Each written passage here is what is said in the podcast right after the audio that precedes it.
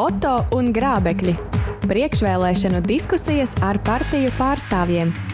Oto Ozols meklēs un brīdinās par grābekļiem, kuriem neuzkāpt.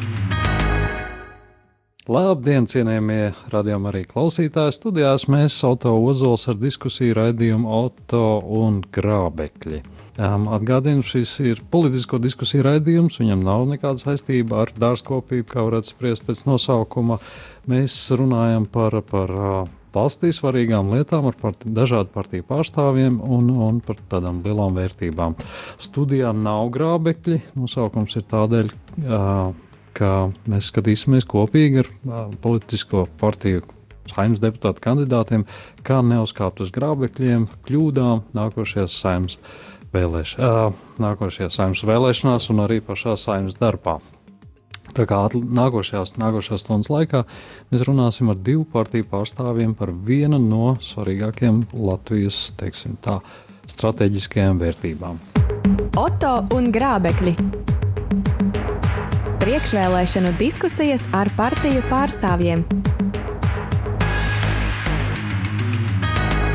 Jā, pirms turpinām sarunu, man ir jāatvainojas. Parasti raidījums izskanēja, izskanēja ēterā otrdienās, šoreiz viņš ir pārcelts uz trešdienu. Tas ir saistīts ar to, ka um, otrdien um, Igaunijā viesojās pāvests, kā mēs labi zinām, un tādēļ um, mēs pārlikam šo raidījumu dienu vēlāk. Uh, izrādot cieņu un, un, un stāstot par pāvesta gaitām arī Igaunijā. Jā, mums šodien studijā ir divu partiju pārstāvi. Tā ir Latvijas Krievijas Savienības pārstāve Irīna Bobkova Labdien. un progresīvo pārstāvs Viesturs Klimbergs. Labdien! Jā, šodien mūsu tēma, viena no svarīgākajām tēmām, kāda vien varētu būt Latvijai, manuprāt, tā ir demogrāfija. Mēs runāsim, ko abas partijas domā par demografisko situāciju Latvijā un pats galvenais, kādi ir viņu plāni, lai, lai teiksim, tā demografisko situāciju uzlabotu nākošās saimnes darbā. Un tad klausītāji jūs varētu izvērtēt no viņu teiktā, cik ir vai šīs partijas ir, teiksim tā, jūsu uzmanības vērts, kā viņi domā risināt. Bet iesākot Irina Bobkova Latvijas Krievijas Savienībā, kurā, kurā apgabalā jūs? Es esmu Rīgas apgabalā, uh -huh. otrais numurs. Otrais numurs. Un uh, jūs viestur? Es startēju Rīgas apgabalā un esmu ceturtais. Rīgas apgabalā ceturtais, jā. Lai klausītāji mazliet iegūtu vairāk Tā, nu, jau par jūsu partijām. Jūs varētu nosaukt, kas ir tie jūsu redzamākie līderi jūsu partijai, Latvijas Krievijas Savienībā. Numurs viens Rīgas apgabalā ir uh, Andrijs Mamikins, Jā. uh, partijas līderis ir Tatjana Ždanuka, uh mhm. -huh. un kurzemē ir uh, Evita Kosaka. Uh -huh. uh, uh, vidzemē ir pirmais numurs ir Andrijs Tolmačovs. Uh -huh. Un Latgalē arī tur Jevģīnija Kļukova. Jā, un uh, progresīviem, kas ir tie redzamākie līderi, ko jūs gribētu pieminēt? Jā, nu mums, mūsu redzamākie līderi, jāsaka uzreiz, ka asociācijā ar grābekļiem, jāsaka, balsojot par mums nav iespējams uzkāpt uz grābekļa, jo neviens no mums līdz šim pēdējās saimās nav darbojies, bet mēs esam tiešām daudz tieši nevalstiskā sektora pārstāvi, aktīvisti, kas līdz šim ir darbojušies biedrībās un nodibinājumos. Un, tātad tas ir Roberts Putnis, bijušais dēls direktors Jānis Simonovska, vidas eksperts Edmunds Cepurīts, arī vidas eksperts un aktīvists Ansis Dobelis, Ervīns Labanovskis, Inga Liepa Meijere. Sandra Martinsone un virkni citi aktīvi cilvēki, kas ir darbojušies dažādās jomās, līdz šim jau pierādījuši sevi ar darbiem, un šobrīd vienkārši esam pārgājuši citā kvalitātē un nodibinājuši partiju. Jā, tad piedalīties aktīvi saimnes priekšvēlēšana kampaņā. Jā, tā mazliet vairāk, lai saprastu, kāda jums ir bijusi Irina iepriekš saite ar demografiskiem jautājumiem, ar šo aktuālo problēmu? Nu, es esmu māte, man ir divi bērni. Jā. Dēlam 24, meitai 14, un es visu to procesu izgāju ar saviem bērniem, uh mhm. -huh. ar demogrāfiju. Pēc tam es arī nonāku no uh, sabiedriska darba, uh, mēs uzstājāmies pret eh, eh, tiem sociālajiem dienestiem, kuri izņem bērnus no ģimenēm, kuri emigrēja uz nu, Angliju un Jā. citām valstīm. Ekonomiskas varbūt problēmas dēļ, bet uh, viņi tur zaudē savus bērnus, nevar atgriezties mājās. Uh, bērni uh, zaudē savas saknes, saites ar uh, dzimteni. Un mēs panākam, es domāju, ka lielu ieguvumu, ka uh, pēc tam, pēc diviem gadiem, mēs uzsākam 14. gadā tas uh, ielas akcijas. Ja? Mm -hmm. Mēs uh, modinājam prezidentu, deputātus, ministrus katru Runāt, mēnesi, jūs... ja? un saima uh, iztaisīja tādu sapulci, un viņi pieņēma 16. gadā janvārī tādu deklarāciju bērnu, Latvijas piedarīgo bērnu aizsardzību tiesības. Uh, aizsardzību. Mm. Aizsargāšanu. Vienot sakot, jūs palīdzat Latvijas valsts piedarīgajiem, mēģināt, kuriem ir problēmas protams, ar bērnu jā, visiem, visiem bērniem, tas skar visus bērnus, jā, un jā. visi deputāti piekrita, ka tā ir problēma valsts uh, līmenī, un viņi to atzina. Jā. Viestur, es zinu, ka jums ir bijusi pieredze ar šiem jautājumiem. Jūs varat klausītājiem vairāk izstāstīt. Jā, es nu, jau vairāk nekā pirms 12 gadiem strādāju arī bērnu ģimenes lietu ministrijā un aktīvi līdzdarbojos strādājot pie vienīgā bērnu ģimenes lietu ministra Latvijas vēsturē Aināra Baštikā. Strādāju gan kā ministra biroja vadītājs, bija arī kādu laiku bērnu ģimenes politikas koordinācijas nodaļas vadītājs. Un diezgan aktīvi mēs strādājam pie tā, gan lai ieviestu šo vecāku pabalstu, bērnu kopšanas pabalstu tajā laikā, gan uh, uzturlīdzekļu garantiju fondu, kurš palīdzēja tātad vientuļiem vecākiem, kur cīnās ar uh, uzturlīdzekļu nemaksātājiem. Uh, alimentu nemaksātājiem. Alimentu, jā, nemaksātājiem, jā. Uh, šīs lietas mēs darījām jau toreiz kopā, un es arī 2009. gadā arī stāvēju, es atceros 13. janvāra krastmalā, kad toreiz vēl ministrs prezidents bija Godmans, un bija iestājusies krīze, un bija runa par to, ka ir jāņem nost, uh, jāsamazina izdevumi. Mēs stāvējām un diskutējām par to, ka nedrīkst noņemt ģimenēm ar bērniem, ko Igaunija toreiz izdarīja. Viņi samazināja savus izdevumus krīzes laikā, bet viņi nesamazināja ģimenēm ar bērniem neko, ne centu nenoņēma no stūra. Teikt, Igaunija to neizdarīja, viņi neatņēma pabalstus. Viņi neatņēma, jā, šos pabalstus. Mēs, diemžēl, izdarījām to, mēs atņēmām gan uz pusi samazinājumu tiem, kas strādāja, vecāku pabalstus, gan ģimenes valsts pabalstu samazinājumu, un, un trakākais, ka toreiz samazinājām matemātiski. Tā, tā pieeja bija vispār traģiska. Es vēl gāju toreiz saimā runāju, nu kā var būt tā, ka man, kuram ir tikai viens bērns toreiz, no, nenoņem nevienu centu, bet noņem no manam kolēģim, kuram ir četri bērni, viņam noņem no 16 latus. Ja? Mm -hmm. nu, toreiz tā bija tāda ārprātīga matemātiska uh, griešana un, un, un pilnīgi absolūti nepareiza. Nu, es domāju, ka viņi iesita par 16 lati. Toreiz arī bija. Jā, protams, tā bija liela, jo viņi paņēma nost koeficientu absolūti nost. Mm -hmm. Tātad ģimenēm ar daudziem bērniem viņi noņēma nost daudz naudiņas, bet ģimenēm ar vienu bērnu tajā laikā nenoņēma mhm. neko. Mm -hmm. Ja? Nu, tad, cik es saprotu, jūs šobrīd atgriežat, mēģināt iet Jā, es politikā. pēdējos gados esmu gan stipri novērsies no demogrāfijas jomas, un tiešām tā liktenis slēms, ka es pēdējos gados vairāk strādāju tieši vecu ļaužu aprūpē un attīstu aprūpas mājās pakalpojumu lauku reģionos, strādājot Latvijas samariešu apvienībā, bet nu, tā sāpe par to, ka redzam, ka mēs vārdos mm. darām vienu, sakām vienu, bet darām darbos citu, ir tik liela, žēl, ka mēs nu, nespējam palikt malā Jā. un jāiet noteikti kaut kas darīt. Jā, tad, uh, turpinot to diskusiju, varbūt iezīmēsim to pašreizējo situāciju. Kādu jūs redzat ar demogrāfiju? Kā, kā, kā jūs raksturot demografisko situāciju domāju, Latvijā? Irina? Situācija ir ļoti traģiska. Es ļoti bieži skatos tādā saitē, uh, kur ir uh, countrymeters.info, ja, -hmm. kur apvienotas nācijas organizācija liks savus datus un Latvija Es redzu, katru dienu tur dati tie mainās. Ja katru dienu no Latvijas izbrauc, nomira vai piedzima tur kāds skaits. Ja? Un, uh, kopumā katru dienu Latvija zaudē 30, uh, 40, 40 50 cilvēkus. Mm -hmm. Un katru gadu tas ir uh, vairāk nekā uh, 20 tūkstoši cilvēki. Ja? Un piedzima divas mazāk nekā nomira. Ja? Mums ir ļoti no, divas no, reizes mazāk. Jā, novecojuši. Sabiedrība. Sabiedrība, jā, un uh, trešdaļa vai ceturtā daļa no iedzīvotājiem viņi ir pāri 60 gadiem. Un jā. pēc 20 gadiem jūs sapratiet, saprotiet, ka jā, tā vecuma struktūra jā, ir. Tā vecuma struktūra, ja mums nepiedzimtu jauni bērni, neatgriežas tie, kuri aizbrauca un uh, mēs neatstādināsim to uh, plūsmu, uh mhm. -huh. emigrācijas plūsmu, tad uh, nu, mūsu valsts viņa Jā. kūst un zūd. Un, Jā, es... Nebūs cilvēku vispār. Varbūt precīzēsim, vai, vai tiešām ir tā, ka piedzimst divreiz mazāk nekā nomirst? Nu, tik ļoti daudz nav šī starpība, bet, bet uh, tomēr ievērojams skaits nomirst vairāk nekā piedzimst šobrīd. Uh, mm. Bet uz pusi no, noteikti vairs nu, nav. Jā, jā. Ne uz pusi, nu katru pusnā. gadu tas uh, skaits. Jā, tā bilants, ja es pareizi atceros, tā plus mīnus katru gadu nomirst Latvijā aptuveni 27 tūkstoši iedzīvotāji un piedzimst 20, 21. Tātad. Nu, vairāk, es skatījos, jā. ka vairāk jau, jau 3. 30, 37, tur tādi cipari jā, gads no gada palielinājās. Tā.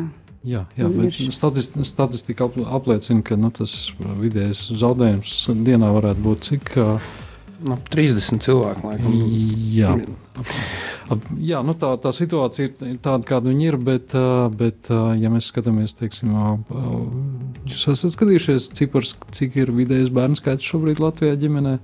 Vidēji skaitu es nezinu, laikam divi, trīs bērni, ja tagad uh, dzemdē nu, mm -hmm. vairāk.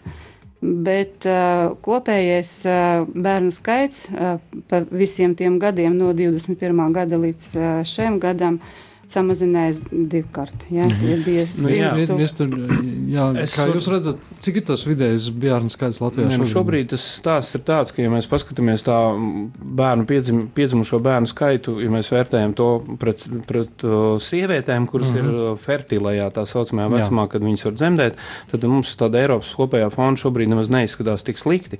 Ja nemaldos, tad pēdējā data bija kaut kas ap 1,6, 1,5. Ja? Man liekas, ka bija 1,7, 1,8 nu, jau varbūt tā tad jau tik tālu jau esam tikuši. Uh, Tātad Eiropā tā pro... vidēji ir laikam 1,4. Tā kā mēs esam virs Eiropas vidēji. Mēs esam virs, virs, bet, diemžēl, tā pr problēma lielākā no demogrāfijas viedokļa ir tā, ka pēdējos gados visvairāk ir aizbraukuši tieši jauni cilvēki, mm -hmm. tieši tajā vecumā, kad viņi varētu laist pasaulē bērns, dibināt ģimenes, laist bērnus dārziņā, skolā, viņi ir aizbraukuši prom. Un līdz ar to tas sieviešu skaits ir vecāku skaits Latvijā, kuriem varētu dzimt tas bērns šobrīd ir samazinājies. Nu, tā, tā bāze ir. Jā, tā bāze ir ļoti samazinājusies, un viņi tāpēc nespēja kompensēt. Jo, ja mēs paskatāmies arī statistiski, tad pēdējos gados tiešām arī nepārtraukti un pakāpeniski pieaug arī bērnu trešā bērnu skaits, kas piedzimst ģimenē, mm -hmm. un arī otrā bērnu skaits pieaug, bet, diemžēl, mēs šobrīd esam tik daudz zaudējuši jau šo jauno cilvēku, ka tas uh, dzimstības koeficients nespēja noķert, pat esot pie 1,7 vai 8, kā jūs sakat, nespēja noķert to, lai mēs izlīdzinātu salīdzināt šo te dabisko rādītāju. Jā, nu, jā šajā, bet, bet, bet tās sekas ieslēdzās beidzamajos gados. Kur ir bijušas tās galvenās kļūdas Latvijā? Un es domāju, ka pirmkārt jau galvenā kļūda ir tajā, ka cilvēki nejūtas droši.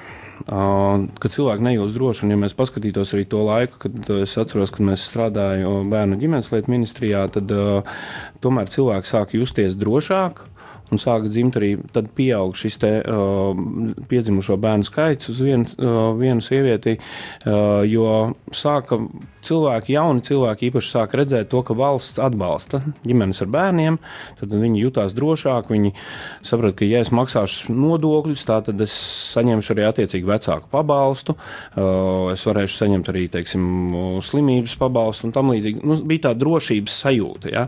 Uh, tad uh, es domāju, tad krīze bija viens liels sitiens pa tām jaunajām ģimenēm, kur vēl krīzes laikā vēl daži vēl, tomēr tas pieaugums vēl īsi bija, ja, jo tas bija ar tāds glābiņš varbūt no krīzes, lai paglābtos, bet pēc krīzes periodā atkal mēs sākām iet lejā, pirmkārt jau cilvēkiem zūd tā drošības sajūta. Jo, ja pat mums varbūt šobrīd uz kopējā Eiropas fonda uh, tas atbalsts no valsts bērniem līdz pusotram gadam ir salīdzinoši liels, ja tik liels bērnu kopšanas atvaļinājums Reti, kur ir un, un arī šis valsts ziņā mēs pat Igaunijā apsteidzam. Mēs apsteidzam, jā, mēs apsteidzam, jā, bet, bet tomēr mums atkal tas kritums tajā brīdī, kad tam bērnam ir pusotrs gads, beidzas šis te atbalsts, vecāku pabalsts, jā, bērnam vieta pirmskolas izglītības iestādē nav. Uh, arī jāsaka, ka arī pēckrīzes periodā arī šis vecāku pabalsts tiem cilvēkiem, kur samazināja, uh, kur pagarināja līdz pusotram gadam, viņš arī tika samazināts ievērojami. Jā, un šobrīd es teiktu, ka tie procenti nav tik lieli, lai cilvēks, ja, piemēram, ir īpaši audzina bērnu viens, varētu uztur, uzturēt bērnu un, un uh, būt līdz pusotram gadam mājās un nestrādāt aizejot uz darbu, viņš atkal savukārt zaudē šo pabalstu un, un, un, un, un, un noalgot tā auklīt arī praktiski neiespējams. Tas, ko progresīvie skatās un domā, Jā, mēs, atties... mēs pēc tam atgriezīsimies vēlreiz. Man, uh, izmantojot situāciju, kas studē Latvijas Krievijas Savienības pārstāv un tāds. Par to es ik pa brīdim domājis, ja Latvija zaudē iedzīvotāju skaits, ir samazinājies, bet uh, mēs skatāmies pēc tautībām, tad viens no vislielākajiem kritumiem ir tieši starp krievu tautības nu, cilvēkiem. Protams, jā. Ja, ja 2000. gada sākumā bija aptuveni 700 tūkstoši krievu tautības cilvēku Latvijā, tad šobrīd viņi ir samazinājušies līdz pat uh, zem 500 tūkstošiem, tātad zaudējums aptuveni 200 tūkstoši. Kā jūs skaidrot, kāpēc tieši Ik gadu es skatījos pēc statistikas, Latvijas krievi samazinās aptuveni par, par desmit tūkstošiem. Nu, jā. Un tas, kā, kāds varētu būt iemesls tam, ka tieši? Nu, iemesli ir zināmi. Nepilsonība, krievu skolu, tur krievu valodas samazināšana daļa, tā daļa. Mm. Katru reizi kaut kāda skolas reforma skar tieši mazāk tautības skolas, īpaši krievu skolas. Ja. Uh, Un ģimenes ar bērniem, kuri šeit dzīvoja, viņi pierāda pie tā, ka mums bija krievu skolas, ja, un viņi izvēlējās, ja bērns nevar uh, mācīties dzimtā valodā, kaut kādu citu valsti, vai uz Krieviju brauc, vai uh, uz Rietumu Eiropu, tur mācīties angļu valodā un citās valodās. Uh, Bet, nu, tā. bet, bet kāpēc viņi nevarētu iemācīties? Viņi var mācīties viņi... angļu, franču valodu vai vācu valodu, bet kāpēc Tāpēc, ne latviešu valodu? Krieviem šeit ir ļoti liela vide. Jā. Ja jums reti gadās runāt krie, krieviski, man reti gadās runāt latviski. Ja? Un, uh, darbā man darba valoda ir angļu valoda. Mm -hmm. Es uh, strādāju starptautiskā uzņēmumā, kā visi informācijas tehnoloģijas industrijā. Ja?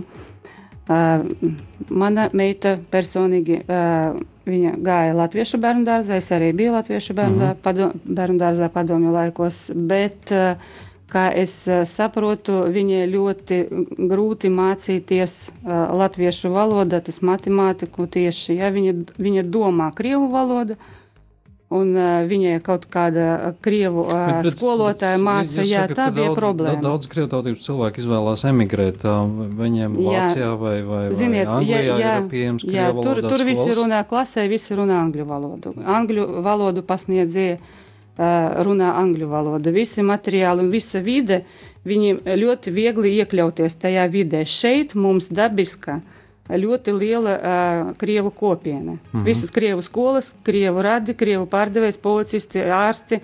Uh, mums, mūsu bērniem nav kur runāt latviski tiešām. Jā. Ja?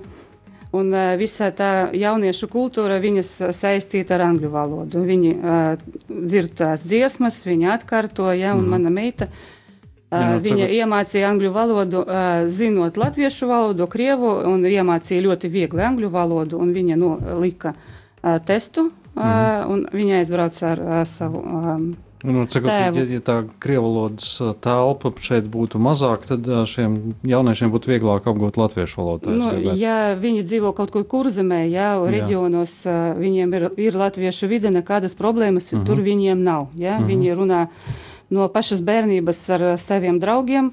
Kaut kur, bet uh, Rīgā un lielās pilsētās un Latgalē tur pārsvarā dzīvo Krievu jā, kopiena. Es, es jā, atceros un, no padomu laikiem, ka, teiksim, kurzemē. Nu jā, tur visa nebija, Latgalē. Nebija bija, nacionālais jautājums, jo Krievi runāja pilnīgi mierīgi latviski un neviens par tos. Jā. Tas varbūt nav tik tieši uz demogrāfiju, lai gan tomēr ir, bet es domāju, ļoti kolēģi sakars, ļoti pareizi pateica vienu lietu. Viņi gāja latviešu bērnu dārzā un savu bērnu arī sūtīja latviešu bērnu dārzā. Un tad, nu, mat... ja mēs sāktu šo te izglītību, izglītības reformu tieši no pirmskolas izglītības iestādēm. Es šie, gribēju pateikt, es, es bērni, jā, jā. Krievu bērni mācītos uh, pirmskolas izglītības iestādē latviešu valodā un beigtu, beigtu šo izglītības iestādi. Uh, tā, ka viņiem otra valoda, latviešu valoda ir tieši tādā pašā līmenī kā krievu, tad diez vai viņi izvēlētos iet krievu valodas skolās. Jo šobrīd es domāju, ka tā lielākā problēma, kāpēc arī jauniešiem ir problēmas mācīties latviešu valodā krievu skolās, ne jau tie jaunieši nezina krievu valodu, tie pedagogi nezina latviešu valodu. Mm -hmm. Tā ir tā tra trakākā problēma. Jā, jā, jums bija komentārs. Es nedomāju, ka tā ir. Es, es centījos iekļauties kaut kādā veidā, lai mana meita zina latviešu valodu, ja un viņai bija tās iespējas mācīties bilingvālā skolā, tāpēc, ka mēs 14 gadi jau, nu, mums nav Krievu skolas, mums ir mm. bilingvālas skolas. Jā. Ja? Un tur uh, ievada visādus modeļus, un tagad pēdējā Šadurska kunga reforma skar arī uh, pirmklasniekus. Ja? No pirmās klases 50% 50 bērniem jāmācās es, latviešu es, es valodā. Ja? Jūs teicāt, jūs meita arī gāja latviešu bērndārzā. Viņa gāja latviešu bērndārzā un 7. klasē es sapratu, ka viņa nezina matemātiku. Viņai matemātika no 5. klases bija tīri latviešu valodā, tāpēc, ka tas bija fizikas matemātikas klase, viņa gatavojās it kā tālākai dzīvē, ja, nu, es sapratu, es Pēc izglītības pati esmu matemātika, inženiera programmiste, un es varu pārbaudīt viņas zināšanas, jo mm -hmm. septītā klase viņa matemātiku nezina vispār. Ja? Ne, viņa, es viņa, Latviešu skolā man arī matemātika gāja švāk. Viņai uh, bija ļoti labas sekmes līdz piektajai klasē, viņa Jā. ir ļoti gaiša galva, ja, bet mm -hmm. uh, tieši mācības svešā valodā viņai neļauj to uh, analītisko aparāti attīstīt. Jā, ja? jā mēs mazliet no aizgājām uz izglītības lietām, bet uh, jā, mēs uh, konstatējam, ka iepriekš. Uh, Jā, pirms krīzes un, un, un pēc krīzes laikā bija izdarīts uh, daudz lietas, kas, kas nesekmē ģimeņu veidošanos. Šobrīd tā situācija mazliet uzlabojusies, ir uh, vidējais bērnu skaits pieaudzis un arī daudz bērnu ģimeņu skaits ir pieaudzis. Bet uh, tagad man ir jautājums, uh, ko jūsu partija ja jūs nonākat saimā, kas būs va, tie pirmie uzdevumi, ko jūs darīsiet demogrāfijas jautājumu risināšanā? Jūs man prasījat par to, kāpēc Krievu kopiena samazinājās. Jā, jā. Es atbildēju uz to jautājumu, kāpēc viņi brauc projām, jā. pēc ka jā. skolas Valodas. ir bilingvāli, jā. jā, problēmas. Tad, tad mūsu pirmais jautājums, kā zināms, ir atjaunot Krievu izglītību, ja Krievu mm. valodā. Protams, ar labu latviešu valodu ja, uh mhm. -huh. apgūšanu. Tāpēc, ka, eh, ja jūs domājat par absolventiem no skolām, eh, viņi var eh, mācīties savā dzimtā valodā un apgūt paralēli latviešu un angļu valodas un ļoti labi runāt un strādāt tālāk. Ja. Uh mhm. -huh. Kad mēs ejam uz kādu augstos, augstu skolu, Mēs nu, likām to testu. Jūsu pirmais uzdevums demogrāfijas lietā būtu atjaunot. Tas, jā, mūsu uzdevums Krievu kopienai, lai tas skaits nebūtu tik traģiski samazināts nākošām gadiem. Lai jā. bērniem nu, būtu, pirmais, ja pēc pirmais, izvēles, jā, jā. Pirmais un, teiksim, viņi var solis. mācīties latviešu skolās, bilingvāli, un, ja mm. kas grib, viņi var mācīties krievu valodā. Jā, tas, nākamais solis kāds ir? Nākamais, jā. Nu, tas visa pārējais skar visu tautu, tas ir darba vietas, palielināt algas, tie nodrošināt bērnu dārza vietas pieejamību, pieejamību jā, nu, jā. pēc izvēles. Jā. Un ceturtais tie bērnu pabalsti. Ja? Mm -hmm. Un, jautājums, kur ņemt naudu uz mm. visu to. Ja? Jā, nē, nu, tas ir nākamais. Bet, un nu, visā... pabalsts, pabalsts bērndārs un, un bērndārs, jā, jā. jā. Un uh, tālāk tur ir visi tādi jā, jā. punkti, kad uh, veco, uh, vecāko klašu um, skol, uh, skolēniem uh, var stāstīt par nu, vairāk par ģimenes vērtībām, ja par tradicionālām vērtībām, kristīgām vērtībām nekā šitie moderni, nevis mācīt viņus izprast dažādas perversijas veidus. Ja? Mēs 15. gadā ar saviem draugiem un meitenēm no organizācijas nu, mūsu nu, bērni. Jūs par... domājat, to tā saucamo tikumības un, un... Jā, tikumība, mēs par to centījāmies, mm. un mhm. mēs pēc 15. gadā Vienot, ar visiem jā, bloks, jā. konfesijām taisījām tādu gājienu par tradicionālām vērtībām. Mm -hmm. Un mēs uh, sapulcējāmies pie kongresa nama un gājām caur visu veco Rīgu, uh, apstājāmies pie saimas, pie uh, prezidenta rezidentes un pie. Jā, uh, nu jā, mēs jau atkal tagad ejam uz vienu paralēlo tēmu, bet uh, progresīviem jūsu pirmie trīs soļi demogrāfijas uzlabošanai, teiksim tā. Ja jūs ieceltu par premjerministru, ko jūs darītu demogrāfijas? Nu, premjerministru man laikam nepavilkt, bet no, labklājības ministru ministru. varbūt varētu mēģināt. Uh, pirmām kārtām jau es domāju, ka tas svarīgākais ir panākt to, lai uh, ģimenes ar trīs un vairāk bērniem nebūtu pakļauts nabadzības riskam. Uh, jo šobrīd tā situācija ir tāda, ka katru, ar katru nākamo bērnu ģimene kļūst nabadzīgāka. Mhm. Vienkārši reāli kļūst nabadzīgāka, un, un, un, un, un tas ir tas pirmais uzdevums valstī uh, izdarīt tā, lai šīs ģimenes nekļūtu tik nevienlīdzīgas, jo mums jau šobrīd uh, nabagi ir stipri nabagāki nekā Eiropas nabagi pret bagātajiem Eiropā, jo nu, šī te, uh, atšķirības starp bagātiem un nabagiem ir ļoti liela. Ja es drīkstu pārtraukt. Finansiāli to var izdarīt jā. divos veidos. Viens tas ir šis te ekonomiskais atbalsts, finansiālais atbalsts, pabalstu veidā un nodokļu atvieglojuma veidā, bet kas mūsuprāt ir daudz svarīgāks, ir, ir pakalpojumu veidā. Tātad nodrošināt to, ka ģimenēm ar bērniem būtu pieejami šie pakalpojumi, kas ir sabiedrībā balstītie pakalpojumi, vai tie ir sociālai pakalpojumi, vai tas ir bērnu pieskatīšanas pakalpojumi, bērnu dārzi, tā skaitā arī veselības aprūpas pakalpojumi, lai viņiem būtu pieejami un bez maksas. Tas ir pats svarīgākais, jo tikai tā mēs varam samazināt šo nevienlīdzību. Mm -hmm. tad, ja man kā vecākam ir pieejams uh, uh, tie pakalpojumi, kas manam bērnam ir vajadzīgi, un man par viņiem nav jāmaksā nauda, tas nozīmē, ka man nekļūstu nabagāks. Jā, par, par šo nevienlīdzību runājot, es tagad mēģināšu jā, klausītājiem un jums, es mēģināšu papildināt jūs domu un sakiet, vai tas ir pareizi. Uh, pavisam tāds vienkāršs matemātisks aprēķins.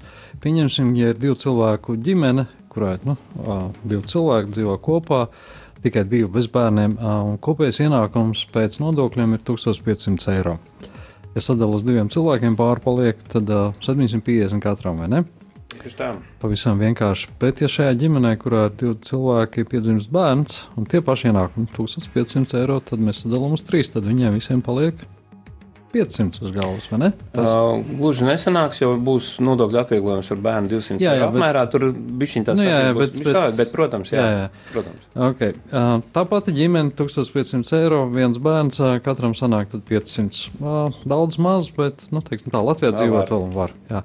Bet, ja šajā ģimenē tagad piedzimst otrais bērns un tas pats ienākums 1500 eiro, uh, tad sadalot sanāk cik? 350, vai ne?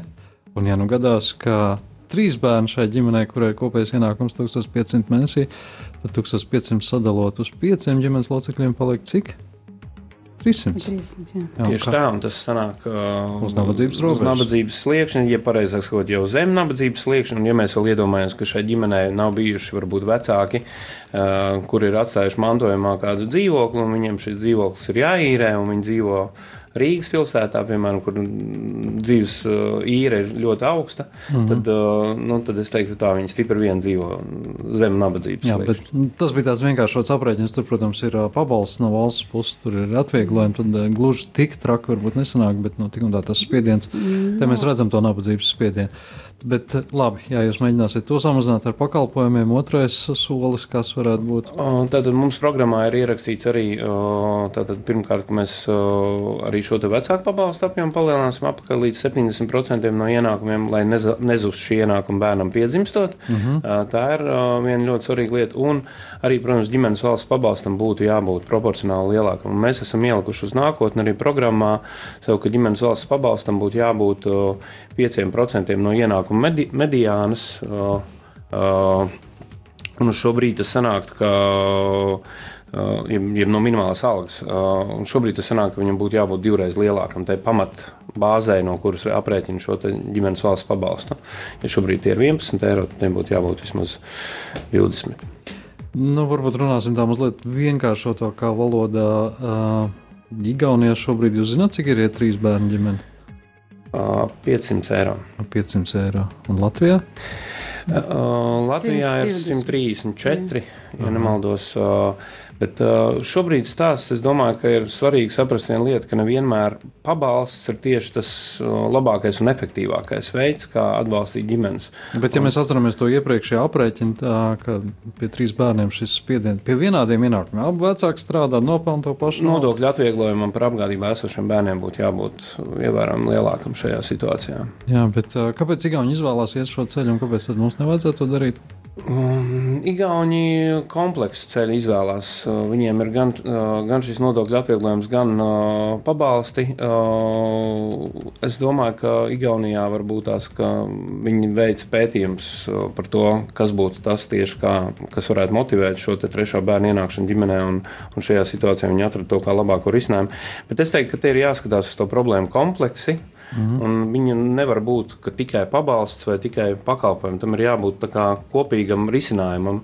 Gan nodokļu atvieglojumam, gan atbalsts pabalstu veidā, gan arī šie pakalpojumi. Mm -hmm. Jā, skaidrs. Tas bija otrais, varbūt trešais punkts. Jūs kā labklājības ministrs potenciālais, ja jūs būtu? Uh, nu jā, nu, es domāju, ka svarīgi ir arī, arī šie veselības aprūpas pakalpojumu pieejamība, jo mums šobrīd it kā skaitās, ka veselības aprūpe bērniem līdz 18 gadiem ir bez maksas, bet tā reālā situācija ir tāda, ka, ja cilvēks saskar, saskars ar to, ka ir vajadzīga kaut kāda speciālista izmeklējuma, tad tā gaidīšana ir tik ilga, ka, ka diemžēl vecāki bieži vien izvēlas tomēr iet par naudu pie mm -hmm. speciālistiem.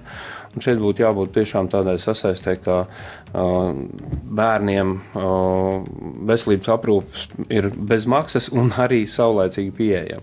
Jā, skaidrs.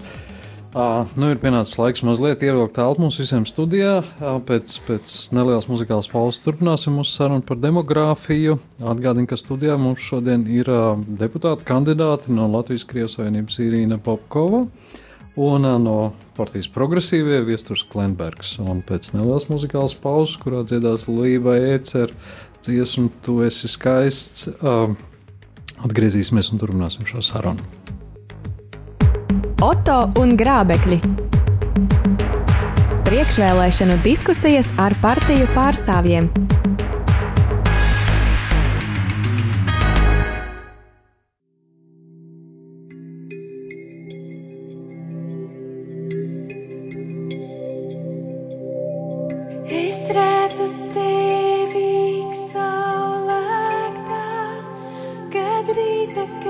this place.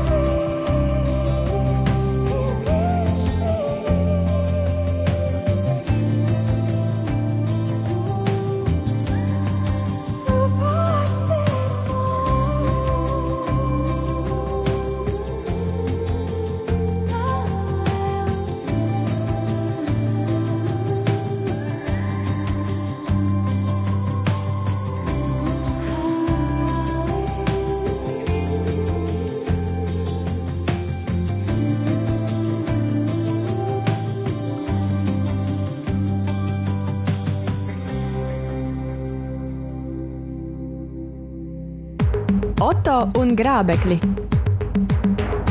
Priekšvēlēšanu diskusijas ar partiju pārstāvjiem. Jā, esam atgriezušies studijā. Labdien tiem, kas nulikā ieslēguši radio. Atgādinu, ka šī ir politiskā diskusija, auto un grābekļi. Tā ir politiskā diskusija. Studijā nav grābekļi, studijā ir politiķi kuriem mēs diskutējam, kā neuzkāpt uz kļūdām, grābekļiem nākošajās saimnes vēlēšanās un nākošajā saimnes darbā. Atgādinu, mums studijā šodien viesos ir Latvijas Krievijas Savienības pārstāvu deputāta kandidāte Irina Bobkova, kura kandidēs Rīgā. Rīgā otrais Jā, numurs. Otrais numurs un progresīvā partijas pārstāvs Viesturs Klenbergs, un jūs kandidēsiet arī Rīgā. Arī Rīgā. Un kurš numurs? Ceturtais. Aha, ceturtais numurs. Jā. Abiem mūsu studijas viesiem ir zināma jau pieredze ar, ar, ar demogrāfijas jautājumiem, un mēs jau iepriekš diskutējām par, par šīm lietām šobrīd. Uh, mans tāds jautājums ir, vai jūs zināt, cik, cik uh, OECD valstīs, OECD valsts ir uh, ekonomiskais klubs, kuram pievienojās Latvijas, cik vidē tērē investīcija? Investē demogrāfijā no IKP, cik lielu procentu jūs zināt? Ir? Nē, es to cipru nezinu. Es neesmu ekonomiste, un es zinu, ka daudz um, vairāk. Mm, Dzīv, jā. jā, aizsardzībai mēs uh, esam sasnieguši 2% no IKP. Jūs viestur? Es precīzi cik cipars ar nenosaukšu, bet, uh, ja mēs skatāmies uh, ģimenes, ģimenes un bērnu politikai, mēs atbalstu vidēji uz Eiropu ievērojami mazāk sniedzam nekā tas ir vidēji Eiropā. Jā, es paskaidrošu savā klausītājiem ka vidē Eiropā tas procents, ko tērē demogrāfijas lietu jautājumiem OECD valstīs, ja mēs varētu tā teikt, ir vidē 2,5% no IKP. Latvijā šis skaitlis pirms pāris gadiem bija 1,2%, šobrīd viņš ir pieaudzis līdz 1,6, 1,7. Ir pieaugušas šīs investīcijas, bet tik un tā mēs atpaliekam no, no citām valstīm. Un tajā pašā Igaunijā ir, ja nemaldos, ir 2,5% pat jā. no IKP. Vai mums, mums arī vajadzētu iet šajā virzienā? Nu, protams, ka jā. Protams, ka mums jāiet šajā virzienā, jo es domāju, ka tas ir vienīgais, kas var šo demogrāfisko bedru varbūt kaut kādā veidā aizlāpīt, palielinot šo atbalstu ģimenēm ar bērniem. Un, kā jūs teicat, ir svarīgi nu, nevis tikai finansiālā ziņā, bet tiešām arī nu, pakalpojumu ziņā. Jo nu, es kā vienu piemēru, ja mēs skatāmies, ka Šobrīd arī tā struktūra ir bijusi savādāka. Ja kādreiz tajā brīdī, kad abi vecāki strādāja, varēja nodot bērnus pieskatīšanā vecmāmiņai vai vecākiem, ja? tad šobrīd tā reālā dzīves situācija ir tāda, ka tie vecāki ir tieši tādi paši strādājošie. Ja? Un, respektīvi, uzreiz rodas problēmas, ja? tev, jo tev vairāk šie bērni, jo lielākas nu, grūtības ar šo bērnu pieskatīšanu. Ja mums būtu valsts līmenī izstrādāta sistēma, ka neatkarīgi no tā, kurā pašvaldībā dzīvo, tev šis šis bērndārs vai pirmskolas izglītības iestādes vai bērnu pieskatīšanas jautājums kaut vai tāpēc, lai vecāki varētu aiziet uz koncertu, mm -hmm. uh, būtu atrisināts, cilvēki justos daudz drošāk un daudz komfortablāk. Mm -hmm. Jā, nu, mēs redzam, ka, ka Eiropas valstīs vidē tērē 2,5%, Skandināvijas valstīs, es nemaldos, arī Francijā šis procents ir vēl pat lielāks, līdz pat 3%, ārkārtīgi liberālajā, varētu teikt valstī, kur mēs Luksemburgā ir pat 4% no IKP, un mēs redzam arī to, ka mums nereti mēdz teikt, ka visas Eiropas valsts līdzīgi noveco vai izmirst. Tā, tā gluži nebūtu taisnība. Skandināvijas valstīs ir iedzīvotāju pieaugums, Piemēram, Somijā kopš 2000. gada iedzīvotāju skaits ir pieaudzis par 5%. Un Igaunija arī šobrīd ir noķērusi to brīdi, ka viņiem piedzimst par dažiem, bet tomēr vairāk nekā nomirst. Jā, Igaunija ir stabilizējuši šo situāciju. Tā kā, uh, uh, te ir redzama tā, tā saistība, ka, ja valsts iet pretī, ja viņa investē demogrāfijā, tad uh, rezultāts ir redzams, ka uh, stabilizējas demografiskā situācija un ir pat uh, vērojams pieaugums. Tā kā nav tik traki ar tām citām Eiropas valstīm, un mēs redzam arī to, ka ir šis. Jā, bet mēs pirmie jau iepriekšējā sarunā konstatējām, atzinām, ka tajā pašā sākuma periodā, tad, kad piedzimst bērns jaunā ģimenē, tad tas atbalsts Latvijā ir salīdzinoši labs. Pat šajā ziņā pirmajā posmā mēs uh, esam pat apsteiguši Igaunijas. Tas ir līdz pusotru gadu vecumam. Līdz pusotru gadu vecumam bija gan bišķiņ labāk. Šobrīd līdz pusotru gadu vecumam saņem uh, vecāks 43,7% no, uh, no vidējiem ienākumiem. Pirms tam periodā, ja līdz gadam, tad 60%. Uh, iepriekš bija tā, ka varēja saņemt šos 70% pirms krīzes. Mm -hmm. ja? Un tas ļāva tomēr nezaudēt šos ienākumus. Ja? Uh, tas tāpatās kā šobrīd mēs runājam par to, nu, kas notiek ar šiem cilvēkiem, kuriem ir. Kuri atrodas bērnu kopšanas atvaļinājumā, tad, tad es uzskatu, ka, lai panāktu to, ka, piemēram, arī tie cilvēki, kas izvēlās ko bērnus, viņiem būtu jābūt sociāli apdrošinātiem par lielāku mm -hmm. summu nekā tas šobrīd notiek. Jo šobrīd viņi tiek ap, ap, apdrošināti minimālajā līmenī. Uh, savukārt būtu normāla situācija, ja cilvēki, kur izvēlas šo bērnu audzināt, ka viņiem būtu šī sociāla apdrošināšana tajā pašā vidējā līmenī, kāda viņiem pirms tam jā, ir bijusi. Jūs, tad jūs vēlaties vēl to uzlabot. Uh, bet, uh, jā, nu, Tur ir labi, bet varētu vēl būt labāk. Bet nākamais solis, kur jau mēs zaudējam, kur ir, kur ir tas lielais iekritiens, kad daudz speciālistu uzskata, tā ir tā bērndārs pieejamība. Kā jūs to vērtējat, Irina? Nu, es par to pašu domāju iepriekš tā raidījuma, ko Viesturs tagad pateica par tiem pensionāriem, kuriem jāstrādā ilgus gadus, ja, un viņi nevar pieskatīt savus mazbērnus. Ja, un, mūsu partijas programmā ir tāds punkts samazināt pensionēšanas vecumu un pirms termiņa iziešanu uz pensiju. Jā, bet jā. kā tas palīdzēs arī palīdzēs bērnu dārziem jābūt, protams, tāpēc, mhm. ka es, mēs šīs brīvdienas bijām Sēdē un Zilkalnā, mhm. zi, Zilā kalnā. Tur bērnu dārzs ir slēgts, viens mhm. no bērnu dārziem, ja, un mums trūks bērnu dārzi. Un visi tie, visas tās telpas, kuras ir pārdotas vai pārvērstas par kādiem uzņēmumiem, mm -hmm. Viņus, protams, jāpārvērš atpakaļ uz bērnu dārziem, un katram bērnam jābūt nodrošinātam kā, kā skolas vieta, tā un bērnu dārza vieta. Mm -hmm. ja? Tas mēs nodarbosimies ar jebkuru partiju. Tajos jautājumos, jā, mēs mm -hmm. balsosim līdzi. Jā, paldies. Viestur, kā jūs vērtējat bērnu dārza pieejamību Latvijā? Jā. nu, protams, ka lielākās problēmas ar pirmskolas izglītības iestādēm ir tieši lielajās pilsētās, un arī konkrēti, ja mēs runājam par Rīgu, tad tā ir Rīga. Un šeit būtu svarīgs uh, panākt valstiskā līmenī to, ka šis atbalsta veids nu, no pašvaldības uh, tajā brīdī, ja bērns, piemēram, netiek pirmskolas izglītības iestādē, tad viņš aiziet arī tieši tādā pašā lielumā, cik izmaksā pirmskolas izglītības iestādē arī uz privātu mm -hmm. bērndārzu, jo šobrīd šāda sistēma netiek nodrošināta. Katrai pašvaldībai ir kaut kādi savi vidējie apmēri, kurus viņi dod līdzi šim bērnam. Tas principam būtu, ja nepietiek vieta pašvaldībai. Ja nepietiek vieta pašvaldībai, tad pašvaldība, piemēram, pasaka, mēs jums tik un tik naudiņas samaksāsim, lai jūs varat atrast kaut kādu citu pieskatīšanas veidu. Būtu jābūt universālam principam, ka Ja tātad pašvaldība nevar nodrošināt vietu, tad, mm -hmm. pašvaldība nopērk šo vietu pie, pie, pie privāta pakalpojumu sniedzēja ja, mm -hmm. vai, vai nopērk šo auklītes pakalpojumu. Ja. Tātad, teiksim, tā, ka Rīgā pašvaldība kaut ko pašvaldība dod līdzi mazāk naudas nekā tātad, uh, izmaksā pašvaldības pirmskolas izglītības mm -hmm. iestādē. Tātad jūsu priekšlikums? Mūsu priekšlikums ir tāds, ka pašvaldībai ir nevis jāpasaka, ka tā ir viņa autonomā funkcija atbilstoši budžeta iespējām nodrošināt ar bērnu bērndārza cilvēku, bet viņam ir jānodrošina viennozīmīgi mm -hmm. šī pieejamība pakalpojuma, lai vecāks var atgriezties darba tirgu. Jo tā lielākā problēma šobrīd ir mūsu uzņēmēji, saka, mums nav kas strādā, bet tajā pašā laikā mums ir cilvēki, kuri uh, atrodas mājās ar bērniem, nevis tāpēc, ka viņi gribētu tiešām būt mājās, un tas ir forši, ka viņi var būt mājās ar bērniem, bet ne tāpēc, ka viņi nevar par to algu, ko viņi nopelna darbā, samaksāt auklītei. Viņiem nepietiek priekš tā. Vai privātajā, jā, vai privātajā dārziņā. Un tāpēc viņš neiet uz darbu. Līdz ar to sanāk tā, ka mēs zaudējam patiesībā dubultā.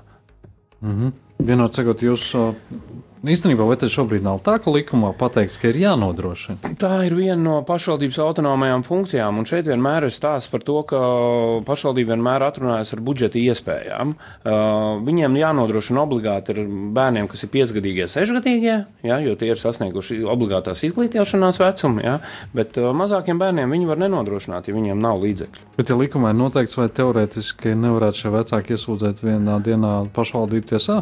Nē, šobrīd nevar, tāpēc, ka likumā ir noteikts, ka autonomās šīs funkcijas viņi pasaka, ka viņi pilda uh, savu budžeta ietvaros. Viņi vienmēr var atrunāties, ka mums nav tik daudz līdzekļu, lai visiem nodrošinātu. Bet, ja pateikt, ka viņiem vienkārši ir jānodrošina, ka tā nav autonomā funkcija, bet obligāta funkcija, tad viņiem būtu obligāti jānodrošina. Mm -hmm. skaidrs. Tātad tas ir jūsu skatījums uz, uz bērndārziem. Es atgādinu, Rīgā, ja es pareizi atceros, bērnu dārza vietas šobrīd pietrūkst ap vairākiem tūkstošiem, 5000.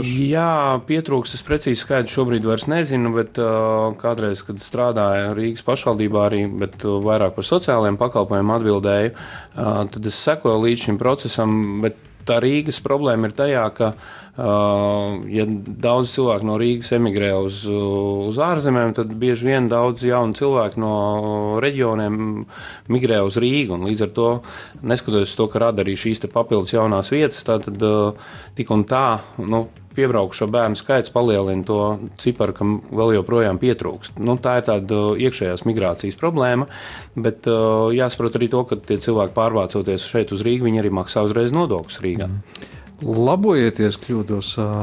Šobrīd ēdināšana bez maksas saskaņā ar valsts likumu skolās ir līdz kurai klasē? Līdz 4. Līdz 4. klasē. Līdz 4. Nē, es domāju, ka līdz 12. klasē nē, Rīgā. Nē, nē, šobrīd ir līdz 4. klasē ar valsts finansējumu, un uh, to mēs arī ieviesām. Toreiz, kad strādājām bērnu ģimenes lietu ministrijā, mēs ieviesām pakāpenisko pirms krīzes pēdējā brīdī paspējām. Bija ieliks programmā, ka sākumā pirmajā klasē, pēc tam pirmajās divās, trešajā, un tad beigās līdz ceturtajai klasē. Un šobrīd tālāk desmit gadu laikā nav pavirzījies šis jautājums, bet. Uh, Nesen, manuprāt, ka pieaug. Uh, mēs gadu. nemaksājam. Varbūt pa vienu gadu, jā, bet, uh, bet šobrīd tas stāsts ir arī tāds, ka Mūsuprāt, būtu jāpalielina šis valsts atbalsts un būtu jānodrošina bezmaksas sēdināšana līdz 12. klasē, nu, līdz 9. noteikti. Jo tā kā jau nu, daudzās tā... pašvaldībās tas šobrīd ir jau tāds, es teiktu, atbildīgs pašvaldības piemaksā, lai būtu arī līdz 9. vai pat līdz. Jā, mūsu skolās bija tas. Jā, bet tā ir atkal, tas ir atkal tas stāsts par to, ka mēs piedalāmies visu laiku tādā loterijā, kurā pašvaldībā mums paveicis piedzimt, jā, vai mm. dzīvot, jā, vai tā pašvaldība ir pretīm nākoša saviem iedzīvotājiem, viņi nodrošina šos te, mm. gan bērnu pieskatīšanas pakalpojumus, gan brīvpusdienas, gan pulciņus. Jā. Tam visam būtu jābūt vienmērīgi nodrošinātam visā Latvijā, jo uh, tad nebūtu tās situācijas, ka mēs dzirdam, ka pazūd ciemi, pazūd pilsētas, ja, jo cilvēki bieži vien brauc projām, tāpēc, ka viņiem pietrūks kaut kāda servisa. Nu, mm -hmm. Es varu pateikt kaut vai vienu piemēru. Vairāk nekā 2000 vecāki, kuriem ir bērni ar smagiem funkcionāliem traucējumiem. Viņiem nav pieejama pakalpojuma. Viņiem nav pieejama pakalpojuma mazajās pilsētās, ciematos vai tam līdzīgi. Viņi, viņi, viņi nevar. Es, es drīkst pārdēvēt to par nevis pakalpojumu, bet atbalstu no sabiedrības pašvaldības? Var pārdefinēt arī no atbalstu. Viņi ir patiesībā bieži vien vieni paši Mēs savā cīņā, jā. savā cīņā par šo bērnu eksistenci. Un, uh, viņiem netiek nodrošināts normāls atbalsts, kam patiesībā būtu jābūt. Tajā brīdī, ja viņš uzrakstīs iesniegumu un atteiksies no šī bērna, uh mhm. -huh. kas ir ar smagiem funkcionāliem traucējumiem, kas lielākoties ir guļošs vai, vai, vai, uh -huh. vai, vai, vai, vai nu, īpaši aprūpējams, ja? uh -huh. uh, tajā brīdī valsts pagriezīsies pret viņu ar seju pret to bērnu un pateiks, jā, reku, mēs esam gatavi iztērēt vairākus tūkstošus eiro mēnesī, lai tu dzīvotu institūcijā. Jā. Bet to valsts atbalstu ģimenēm šīm te iedot. Uh, Tā ģimenē, kur tas bērns ir. Un tas arī ir demogrāfijas jautājums. Jo tajā brīdī, tad, kad, tad, kad uh, ir šis bērns ar funkcionālu traucējumu, tā ģimene pilnībā pievērš tam vienam mm. bērnam, ja, zaudē otrs bērns, aizmirstam vispār par to, ka būs vēl kāds, varbūt trešais vai ceturtais, ja, jo viņiem viss spēks, visa enerģija jādod šeit. Mm. Valstī būtu jānāk pretī un jānodrošina tie pakalpojumi. Tas ir, tas Jā, ir viens tad, veids. Tas, tas ir bijis redzams, ka jūs esat viena no progresīviem, viena no tām partijām, kas uh, orientējas palīdzēt vairāk cilvēkiem ar īpašām vajadzībām, kā tas ir normālās, uh, teiksim, Ziemeļvalstīs un, un citās. Bet uh, es atgriežos pie Krievijas Savienības. Jūs būtu saimā, jūs atbalstītu domu, ka būtu ēdināšana skolās ar nu, valsts? Protams, ka jā. Līdz kurai klasē? Līdz pēdējai klasē, lai bērni to varēja mācīties un uh, vecāki var nodrošināt viņas Jā. mācības un visu tālāk. Progresīva, skaidra atbilde, kā, kā jūs redzat šo. Mums programmā ir ierakstīts, ka līdz pamatskolai, visai pamatskolai, līdz 9. klasē. Tātad, uh, bet uh, nu, kopumā var skatīties, te jā, jāskatās tiešām šiem uzturu paradumiem. Jā, jo uh, tas, kad ievieš šīs brīvpusdienas, tad bija stāsts arī par to, ka ir svarīgi viens no, novērst šo segregāciju, jo bija situācija, kad pusdienas ēdnīcā ēda tikai daudz bērnu ģimeņu un maznodrošināto ģimeņu bērni, ja, un turīgo bērnu ēda kafejnīcā. Ja. Un, un, nu, respektīvi, lai panāktu gan šo segregācijas mazināšanu, gan arī veselīgu uzturu. Uh, es domāju, ka pamatskolā viennozīmīgi jābūt valsts nodrošinātam un veselīgam uzturam, un uh, nu, tālāk vidusskolā jau jāskatās varbūt tās pēc šiem te. Jā, es, es, es zinu, ka atsevišķi pašvaldības uh, finansē brīvpusdienas uh, valsts līdz 4. klasē, bet uh, tad tālāk finansē tikai masturīgajiem vai daudzbērņiem. Tad sanāk tā, ka ēdnīcā, nu, ka tev brīvpusdienas, tad viss uzreiz redz, ka tu esi no masturīgiem. Jā, un tas nav pareizi. Tas Jā. nav pareizi, jo būtu jābūt tā, ka šie ienākumu līmenis ne, nu, neuzrādās teiksim, tik jaunā vecumā šī atšķirība. Ja, jo mm -hmm. tas man liekas traģiski, ja, ka uh, mēs tajā patērētāju kultūrā esam aizgājuši ar tik tālu, ja, ka uh, bērnam jau, ja viņam trešajā klasē nav skārienu jūtīgais telefons, tad viņš gandrīz vai jau ir nu, atkritējis. Ja, un, un, un tas man liekas, nu, nav pareizi. Man patīk tās skolas, kuras pasaka, ka telefonu jāatstāj ārā, ja, kā piemēram Jā, uh, Francija, kur no, nobalso, ka vispār ir pamatskolā nedrīkst ienest šo telefonu. Jo tas ir tas veids, nu, kā mēs tomēr radām šo te atkal nevienlīdzību zināmā mērā. Mm -hmm. Bērniem uzspiež tādā veidā. Jā, protams. Jā, bet tas iemesls, kāpēc es sāku runāt par ēdināšanu skolās, kur vairāk vai mazāk mēs esam pavirzījušies uz bezmaksas ēdināšanu bērniem skolās. Redzējām jūsu attieksmi. Bet kā šobrīd ir bērnu dārzos ēdināšana? Ir pa brīvu vai? Šobrīd nu, ir atkarīgs no pašvaldības. Šobrīd valsts finansējums pirmskolas izglītības iestādēm nav. Rīga, piemēram, ir noteikusi, ka daudz bērnu ģimenēm ir bezmaksas, un arī maznodrošinātajām ģimenēm ir bezmaksas. Ja?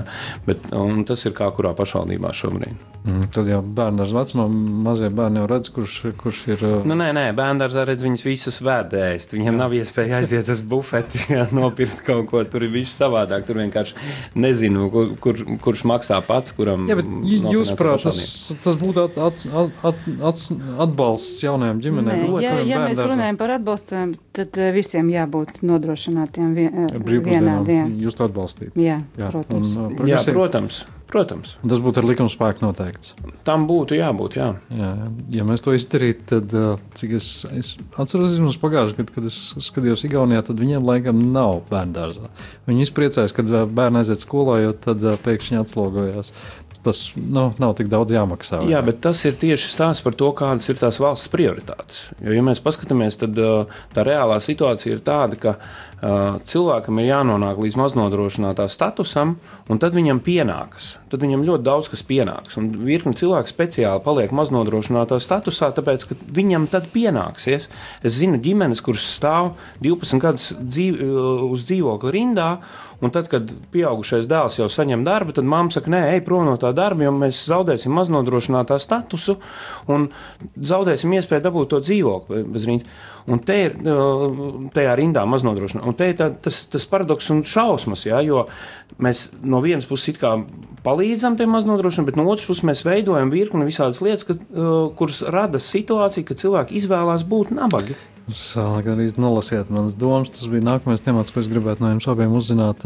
Pēc OECD pētījumiem, OECD organizācija ir divreiz jau Latvijā atgādinājusi, ka mums ir ļoti slikta pieeja, mājokļu pieejamība cilvēkiem. Aptuveni 80% no iedzīvotājiem nevar atļauties pienācīgi labus mājvietas vai dzīvokļus. Kāda Krievijas Savienības skatījums, kā varētu ģimenēm palīdzēt ar mājokļu pieejamību? Nu, mums ir tādi speciālisti, kuri nodarbojas ar nekustamiem īpašumiem.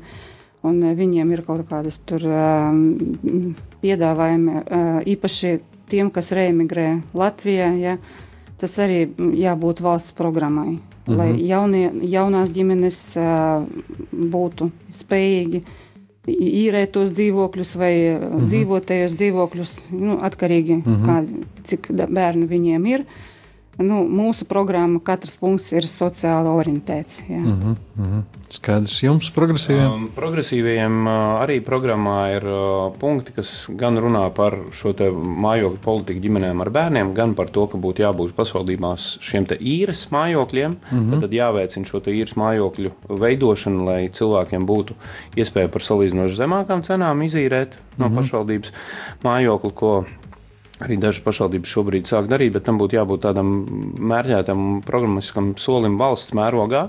Uh, un, protams, mēs arī domājam, ka jāpalielina arī šī valsts garantēto kredīta aizņemuma, tātad mājokļu iegādēju noteikumi. Jā, mm -hmm. Jo mhm. šobrīd, godīgi sakot, arī šo te uh, programmu var izmantot, nu, es domāju, tā diezgan altum, turīgi. Altum. Jā, nu, es teiktu tā, ka ir jābūt jau diezgan turīgiem, turīgai ģimenei, lai viņi varētu atļauties šo te altuma programmu izmantot. Viņa ir ļoti laba, jā, bet, uh, bet nu, tomēr tas, tie procenti ir lieli un tā summa beigās ir tīpaši, ja tas nav mazpilsētā, bet Rīgā jāiegādās dzīvoklis, tad tā summa ir diezgan liela un attiecīgi par to garantēto summu tad arī pagarinās kredīta ilgums un arī pagar, palielinās kredīta summa, ja, jo neviens jau nenogarantē. Šeit būtu varbūt tās jānāk valstī pretī un jādomā arī par kaut kādu veidu procentu likmes, varbūt samazināšanu vai arī kompensēšanu zināmā mērā, teiksim, bērn, ģimenēm, kurās ir divi, trīs, četri un vairāk bērni.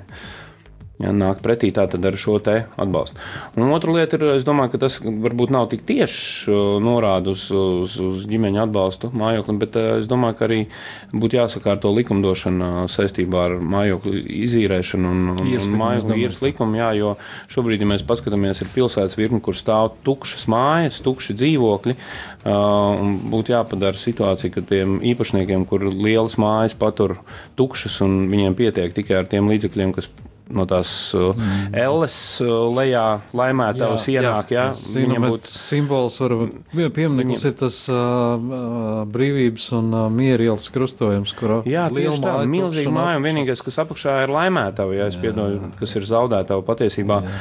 Īpašniekam būtu jābūt jā. ļoti neekonomiski izdevīgi turēt. Ieslīgums jāsakārto. Irīna, jums bija. Es gribu piebilst, jā. ka es sazinojos kādreiz ar tādu organizāciju Latvija bez bariņiem. Tagad, mm -hmm ir tāds process deinstitucionalizācija, ja, mm -hmm. un tie, tās auģu ģimenes, viņi nevar sev atļaut paņemt tur vienu, divu, trīs bērnus, viņiem nav kur dzīvot, ja, bet mm -hmm. viņi sapņo par to, ka valsts cels kaut kādas mājas vai īrēs tos dzīvokļus tiem auģu ģimenēm, kuri uh, var paņemt tos bērnus no bērnu namiem. Ja? Tas nu, arī. Šobrīd tāda plāna vēl gluži valsts līmenī nav. Es pats esmu nu, kā eksperts piedalījies deindustrializācijas plānu izstrādē divos reģionos. Šobrīd ģimeniskai videi pietuvinātam pakalpojumam ir finansējums paredzēts, lai naudu varētu būvēt varbūt mazu bērnu mm. namiņu bet tiešām auģu ģimenēm, lai viņas varētu kaut kādā veidā atbalstīt ar dzīvojamo platību. Nav tāda mm -hmm. atbalsta paredzēta. Ja mums redzījums tuvojas noslēgumam. Es zinu, Igaunijā ir tā, ka daudz bērnu ģimenēm ir pieejama tā saucamā stipendija vai valsts vienreizējs, ne pat vairāk kārtīgi, ka viņi Ja uzraksta īpašu stip, uh, projektu, tad piešķirt dāvinājumu veidā 5 līdz 10 tūkstošiem eiro teiksim, dzīvokļu remontam, uzlabošanai, mājas remontam. Uh, Tāda lieta ir iespējama. Ko jūs sakat, vai Latvijā arī varētu šādu plānu? Nu, Latvijai visu var, ja viņai būs tāds, pārs, viņa pārskatīs to budžetu, tērēs mazāk tas aizsardzības kara izdevumiem un uh, ieguldīs sociālā un demogrāfijas politikā. Jā. Jā. Es gan atgādinu, ka Igaunijā 2% arī tērē aizsardzībai, tā kā var abas lietas savienot, bet uh, jūs zināt par šo projektu Igaunijā? Es zinu par šo projektu, jā, un nu, man ir grūti pateikt, vai mēs pašreizējā situācijā esam tam gatavi. Es domāju, ka mums noteikti vajadzētu tiekties uz to, lai ģimenēm būtu iespēja savus dzīves apstākļus uzlabot, jo tas arī, ko jūs minējāt iepriekš par šiem dzīves apstākļiem, kur dzīvojam, mm. arī pēc SKDS secinājumiem ir tas, ka, piemēram, kurzemē 16%, vidzemē 14%, latgalē pat līdz 24% ir mājasēmniecības, kurās, piemēram, joprojām nav tekošs ūdens, uh, kurās, piemēram, ir toalete ārpusē pagalmā. Un, uh, tas nozīmē, ka nu, cilvēkiem joprojām pietrūkst līdzekļu, lai labi iekārtotu savus mājokļus.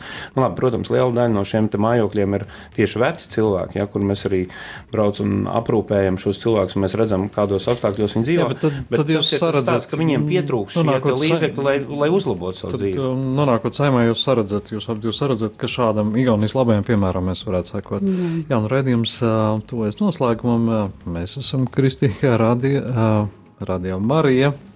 Tad beidzamais jautājums būs negluži par kristīgiem, bet par, par ticības lietu. Vienkārši ticības lieta. Vai jūs ticat, ka Latvija varētu kļūt par ģimenēm draudzīgāko valsti Baltijā? Jā, mēs ticam, un ticamība ir. Mēs esam kristīga valsts Mums ļoti daudz konfesijas, kā jau minēt, mēs draudzīgi dzīvojam, un mums jārunā droši par tām kristīgām vērtībām, kas stiprina mūsu ģimenes, kas neļauj iekrist kaut kādās atkarībās. Ja, un, uh, mm. radīt vairākus bērnus, cik viņus Dievs dod. Es noteikti ticu, ka mēs varam būt ģimenē draudzīgākā valsts un uh, vajag tikai un vienīgi politisko gribu, jo patiesībā arī savā pieredzē līdšanējā es redzēju, ka ja mēs runājam par to, ka mums trūks naudas, tad es vienmēr varu pierādīt un daudzās vietās esmu pierādījis, ka mums nevis trūks naudas, bet mēs vienkārši nepareizi viņu lietojam nepareizām prioritātēm. Mm -hmm. Jā, nu, ar to arī ar šo ticību, ar šo cerību un, un vienoties teiksim, jā, ticībā, cerībā un mīlestībā, ka mēs varam radīt uh, Latviju par draudzīgāko valsti ģimenēm ar bērniem. Es gribētu noslēgt no šo raidījumu. Atgādinu, ka studijā bija Latvijas Krievijas Savienības uh, deputāta kandidāte Irina Bobkova un uh, Progresīvo partijas deputāta kandidāts Viesturs Kleinbergs. Paldies, ka atnācāt! Paldies visu labu, par aicinājumu. Un mēs visu atkal labu. tiekamies pēc nedēļas beidzamajā priekšvēlēšana diskusiju raidījumā šeit, Radio Marijas studijā. Paldies, ka klausieties! Visu labu! Oto un Grābekļi - priekšvēlēšanu diskusijas ar partiju pārstāvjiem. Oto Ozols meklēs un brīdinās par grābekļiem, kuriem neuzkāpt.